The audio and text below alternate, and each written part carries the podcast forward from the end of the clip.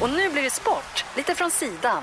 Dags för På avbytarbänken med Fredrik Sandgren hos Mix Megapols morgongäng.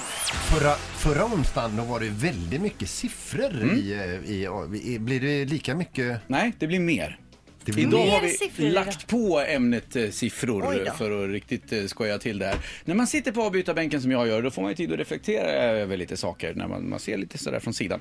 Jag har reflekterat över eh, samtal som ni har haft här under veckan. Inte minst har ju Anna suttit på den där stolen där och ropat ut i förtvivlan efter hon har tränat hur mycket som helst. När ska man bli smal? Precis. Så jag har tittat lite på det allmänna idrottandet som vi har i Sverige idag. Det är lite det jag tänkte komma till. Och då skulle jag kunna berätta då att eh, om man tittar på hur många som idrottar här i Sverige idag och tittar på allting som vi gör, då är det ungefär en tredjedel av den svenska befolkningen. Lite över 30 procent håller på att idrotta på ett eller annat sätt. Det är väl Ja, men jättepositivt? det, det, är väldigt, det är jättebra. Det är många som gör det här. Vi ser att det blir fullt i Vasalopp och Vätternrundor och allt vad det nu kan vara. Men är bara det så här, och noll Göteborgsvarv. till, 0 till 100 år eller vad? Ja, det är alla. Vi räknar in För det alla är inte här. ofta så här ettåringar idrottar. Nej, det är riktigt. Men fyraåringar och femåringar börjar komma in i Ja. fotbollsskolor och grejer. Så det, det är väldigt många. Över en tredjedel gör det här. Ja. 30-35 procent någonstans.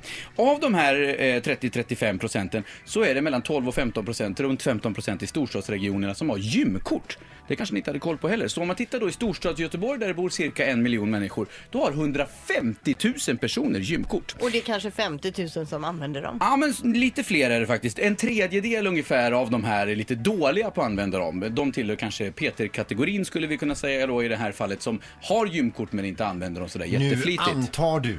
Ja, det- eller nej, jag det- vet. blir så förbannad. Ja, fast jag vet ju att det är så här. Du har ju ett 20-kort som du bara använt tre gånger.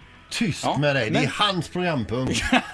Ja, och jag gjorde en undersökning här på kontoret faktiskt, för just våran målgrupp, där är det väldigt många som har gymkort. Hela 77% på vårt företag till exempel har gymkort. Men nästan alla i stort sett motionerar på ett eller annat sätt. Kanske saknas ett par där bara, men det är väldigt, väldigt många som gör det. Så det, det är en liten Fast beskrivning. jag på- tror att här är det sjukt mycket folk som... Ja, det är det. Det är fler än genomsnittet som sagt. Ja. För som jag var inne på, 12-15 procent av Mm. alla invånare här i vår region har ett gymkort. Men men vi ska också säga att i princip alla som jobbar här är inne i någon typ av kris. Ja, men det är nästan alla faktiskt som är i våran ålder inne i någon form av kris på ett eller annat sätt. så var det sagt. För det var lite det jag tänkte säga. För aldrig förr har vi motionerat så mycket som vi gör nu. Aldrig förr så har vi varit med i så många lopp eller tränat eller gymmat och vad vi nu kan göra. Men aldrig förr har vi mått så här jädra dåligt som vi gör nu heller. Psykiskt eller? En annan siffra, så här, men det är en del av det. En annan si- siffra som kan vara värt att ta med i beaktning är att 20% av alla, de mår bra. De håller sig i form, de är trimmade och så vidare och blir inte tjockare. Men resten av oss, 80%, blir bara lite fetare varje dag.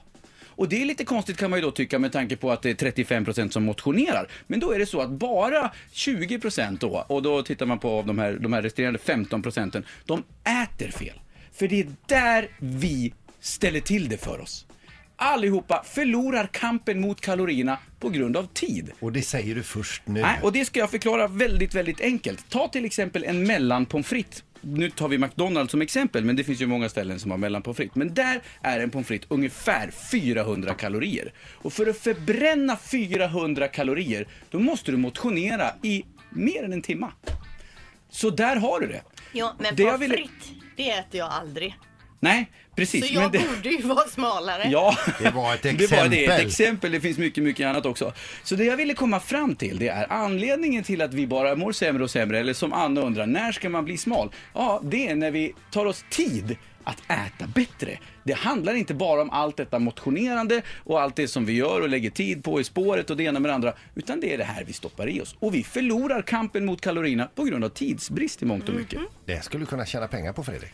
Tror du? Jag Det finns inte- jättemånga i och för sig som säger exakt samma Ja, sak. jag vet. Som reser, re- reser land och rike kring ja. och ställer sig på scen. Ja, jag har snott det av dem. Så att Ja, jag bra, men kanske... intressant, Jag ville bara poängtera det. När ska man bli smal? Ja, när vi får tid frites. över skulle jag vilja säga. Mm. Ja, ja. Ett poddtips från Podplay. I fallen jag aldrig glömmer djupdyker Hasse Aro i arbetet bakom några av Sveriges mest uppseendeväckande brottsutredningar. Går vi in med hemlig telefonavlyssning och, och då upplever vi att vi får en total förändring av hans beteende. Vad är det som händer nu? Vem är det som läcker?